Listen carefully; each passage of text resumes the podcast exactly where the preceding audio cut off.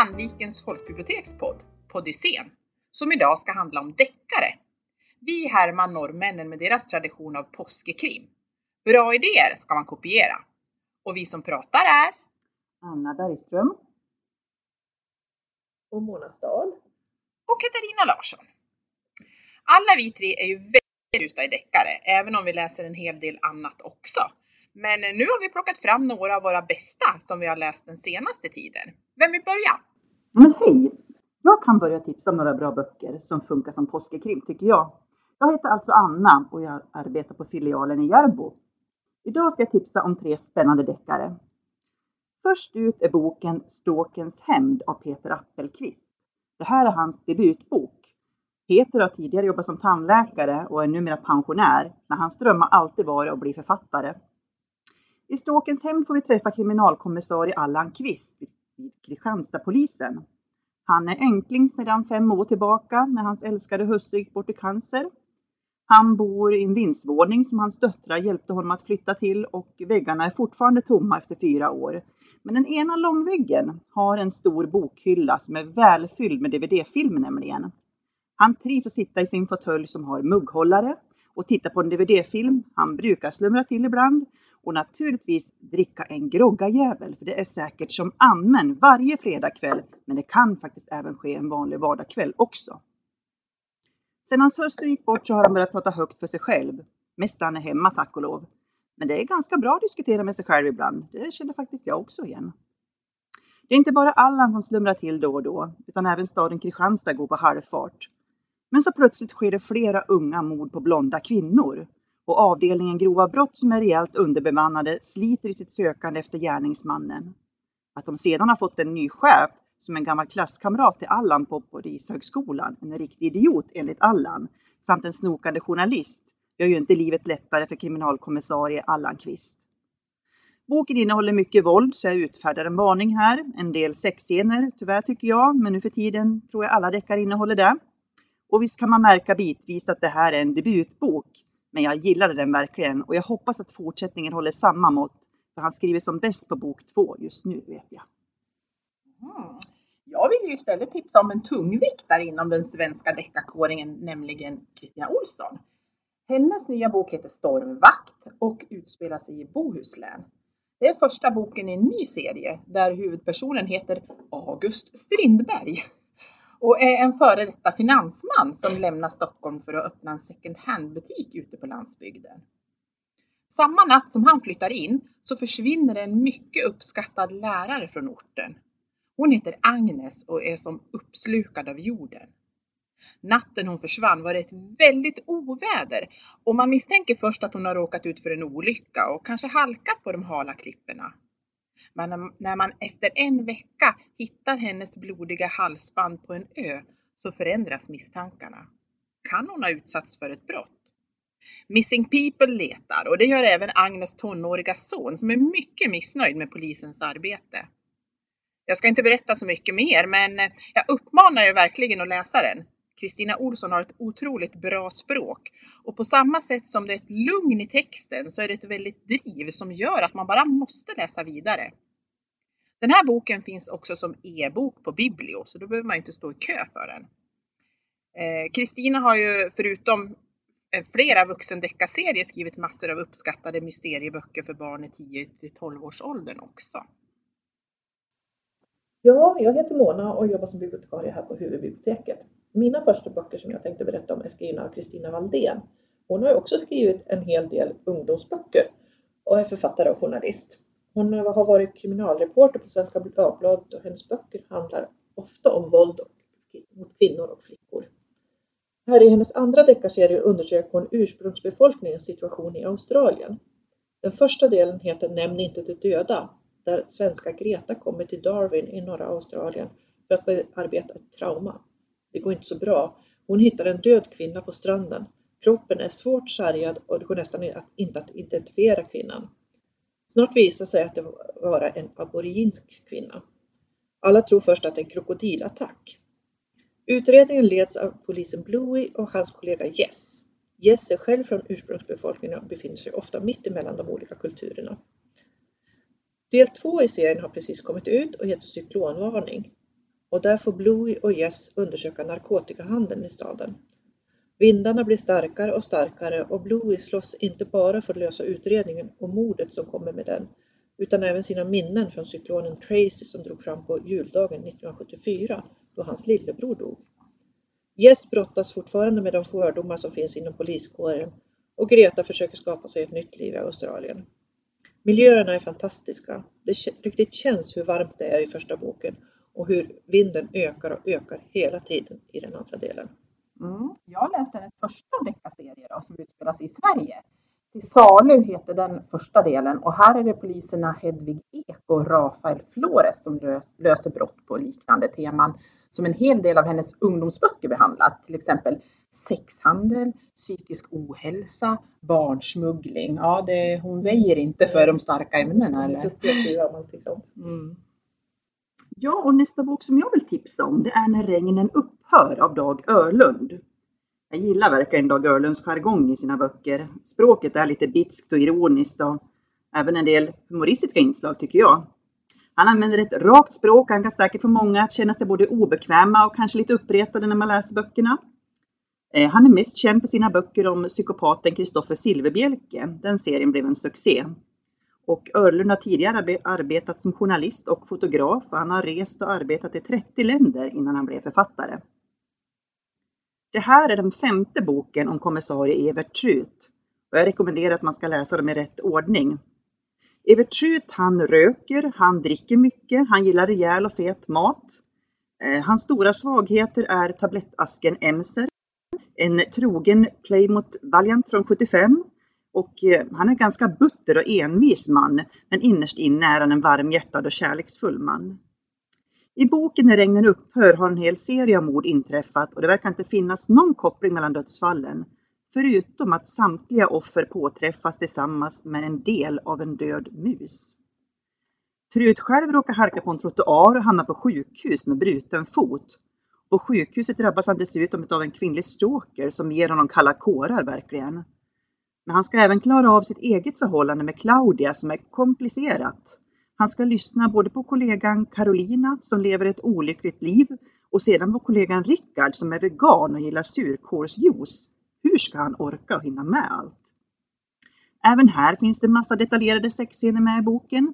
De kan man skumläsa eller hoppa över. Det brukar jag göra ibland. Antingen så älskar man de här böckerna om Evert Schütt eller så stör man sig både på han som person eller på språket som böckerna innehåller.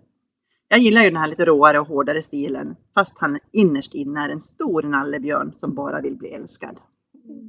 Det låter gulligt nästan. Mm. Jag har fastnat för Peter Mays böcker också. Han har skrivit en serie som har blivit väldigt bra som heter Louis-serien som utspelar sig i Shetlandsöarna, Orkneyöarna eller något sånt där. Och så har han skrivit någon fristående som Lockdown som kom nu hösten 2020. Och den var ju väldigt aktuell. Och så en serie om Enzo och jag har läst alla hans böcker och de här senaste har jag färskt i minne nu. Enso-böckerna heter Ett kallt fall, Döden i Gailac och En kamp mot klockan. De tre böckerna hör ihop så det är bra att läsa dem i ordning. Här får vi träffa Enzo MacLeod, skotsk rättsmedicinare. Han har gått med på ett vad han inte har råd att förlora. Han ska lösa sju av Frankrikes kalla fall. Och I första delen befinner vi oss i Paris. Det finns ett gammalt mysterium där och det är midnatt, en man söker desperat efter fristad och flyr in i en kyrka och försvinner spårlöst. Nästa dag blir hans plötsliga försvinnande en riksnyhet i hela Frankrike. Men vad hände egentligen med Jacques Gallard? Djupt ner under staden i katakomberna gräver Enzo fram ledtrådar, spår som tycks vara avsiktligt utplacerade. I takt med att han närmar sig mördaren blir det allt mer uppenbart att han själv riskerar att bli nästa offer. Del 2 utspelar sig i Gaillac i sydvästra Frankrike. Gil Petty, USAs mest, mest uppburne vinskribent, hittas upphängd på en vingård klädd i den ceremoniella dräkt som används inom brödraskapet L'Ordre de la Bouteille. Min franska är inte så bra, men ja, något sånt. Och med kroppen marinerad i rött vin.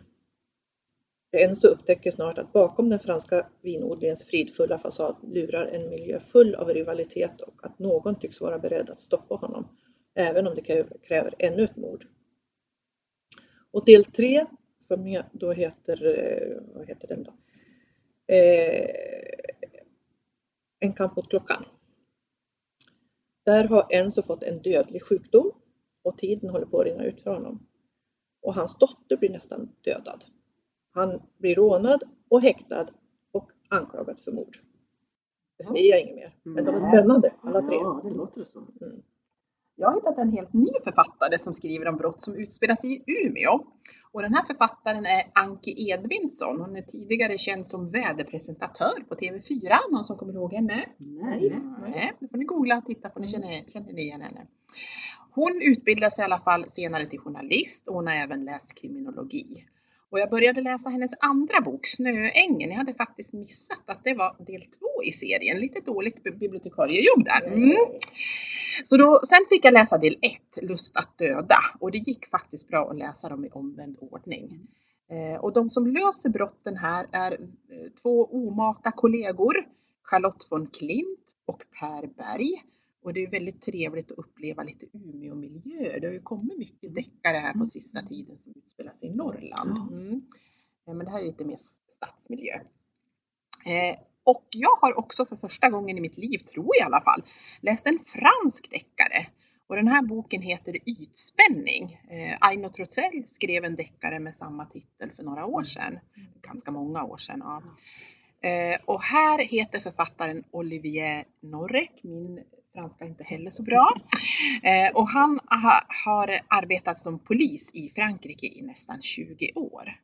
Och här får vi följa en kvinnlig kommissarie, Noémie Chastain, som blir skjuten under ett uppdrag och blir tvångsförflyttad ut på landet för att vila upp sig efter sin sjukskrivning. Eh, och ute på landet här har det inte hänt någonting alls de senaste åren. Det är liksom allting bara lunkar på. Eh, men så snart Noemi kommer dit, då flyter en tunna med ett barnskelett upp i en konstgjord sjö som finns i närheten av byn. Så ett riktigt cold case visar sig det här fallet vara. Och Noemi, hon får ingen chans att vila upp sig. Och, och det vill hon ju inte heller ha. Hon är ju liksom tvångsad dit ut på landet. Eh, väldigt intressant med franska omgivningar tycker jag, men det är ju en liten utmaning med alla de här ovanliga Mm. namnen. Och den här boken blev nominerad till årets bäst översatta roman 2020 av Svenska Deckarakademin. Nu vann den inte, men den var i alla fall nominerad. Mm. Ja, spännande. Det är lite kul att hitta nya deckarförfattare sådär ibland man, eh, man inte vet någonting om. Och jag har läst en psykologisk thriller av Elisabeth Norebäck och den heter Nadja. Där får vi träffa Linda Andersson. Hon är dotter till en känd sångerska och när hon var yngre så uppträdde de ofta tillsammans. Så Linda är känd och dessutom känd med, gift med den kände musikern Simon. När boken börjar är Linda dömd för mordet på Simon. Hon hittades i samma stuga som han med nedblodad klänning. Och allt pekar på att hon har mördat sin man, men hon är själv helt övertygad om att hon är oskyldigt dömd. Hon kommer inte ihåg någonting av det här. Men vi får följa henne i fängelse och eh, se tillbaka på hennes berättelse hur hon blev mer och mer kommer underfund med vem som kan ha gjort det. Den var lite seg i början, men efter ungefär hälften av boken vänder den och slutet är helt oväntat. Så nu kan jag inte berätta mer. För då Nej, det är bra det. Man ska inte berätta för mycket. Nej, nej. Och sen har jag läst också en, bo- en feelgood-deckare, kan man kalla det så? Ja, det. Ja, Ja. Som heter Oskuld och Oleander av Kerstin Bergman. En debut inom deckargenren. Den utspelar sig på Ekerö dit Iris Bure kommer för att ta reda på dödsboet efter sin faster Irma. Irma har bott i Iris barndomshem och det blir inte en vanlig flyttställning.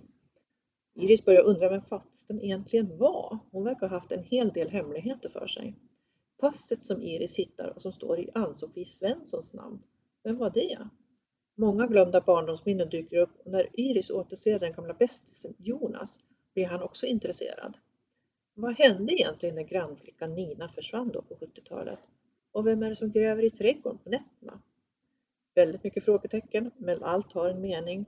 Och även om det inte är jättespännande så är det en liten mysig deckare. Där. Ja, som man kan mysa med. Ja, när man har läst allas läskiga, blodiga. Ja, Jag har ju lite mer blodiga deckare här. Min sista bok jag ska tipsa om den heter Jagad av Lotta Luxemburg. Och det är fjärde boken i en serie, men de kan läsas helt fristående av varandra, för jag har bara läst den här fjärde boken än så länge. Och i dagsläget så är det bara del 1 och 4 som finns tryckt som bok, men alla delarna finns inlästa som ljudböcker. Ja, väldigt annorlunda. Jag vet inte varför det är så. Jag har ingen förklaring till det och jag, jag har letat men jag har bara hittat del 1 och 4 som tryckt bok. Mm. Men i boken Jagad är det maj månad och det är strålande sol och Gröna Lund har öppnat för säsongen i Stockholm. Karusellerna går på högtryck och det är människor överallt. Men när kärlekstunnelns tåg kommer ut i ljuset då upptäcker man att tre personer i vagnarna är döda. De är troligen mördade med giftampuller med nervgift och de har gått en mycket grym död till mötes. Nick Johansson har just kommit tillbaka på arbetet på polishuset efter en sjukskrivning när han får det här Gröna Lund-fallet på sitt bord. Kollegan Klara Pil och deras team börjar en intensiv jakt på mördaren. Men mördaren fortsätter att börda och nu får poliserna det hektiskt. De måste lösa fallet innan hela Stockholm drabbas av masspanik. Det är en väldigt spännande och lättläst deckare. Jag blev glatt överraskad av den här alltså. Och jag ska inom kort läsa första boken. Jag står på kö på den så den kommer snart. Den heter Försvunnen. Och jag hoppas att den är lika bra som den här boken var. Hinner komma till påsk. Ja, absolut. Den Mm. borde komma den här veckan. Mhm. Mm. Ja, nu tänkte jag då kuppa in två böcker som egentligen inte riktigt platsar i deckargenren. De står inte bland deckarhyllan hos oss på biblioteket. Men jag smyger in dem ändå för de är riktigt spännande. Det är Denise Rudbergs serie Kontrahenterna där bok 1 heter Det första skiffret. Och det handlar om tre kvinnliga kodknäckare som lever och arbetar i Stockholm under andra världskriget. Naturligtvis är deras arbete hemligt då. De har ju valts ut av regeringen för att genom signalspaning knäcka tyskarnas koder. Och det är tre sinsemellan helt olika kvinnor med helt olika bakgrunder då, som bygger, bygger upp en väldigt stark vänskap. De tar strid mot många av de konventioner som fanns i samhället under 40-talet i Sverige. Del 3 i den här serien, den ges ut i juni eh, och eh, jag ser väldigt mycket fram emot den. Eh, Men ni som ännu inte har läst den kan ju läsa del 1 och del 2 under påsken och jag tycker, tror att ni har en väldigt bra stund framför er. Mm. Har ni läst dem? Jag har läst dem och Ja. jag tyckte också om dem. De är faktiskt riktigt bra. Jag började ju läsa del 1 men det var inget för mig. Det var inget för dig. Här är vi lite olika. Ja. ja precis.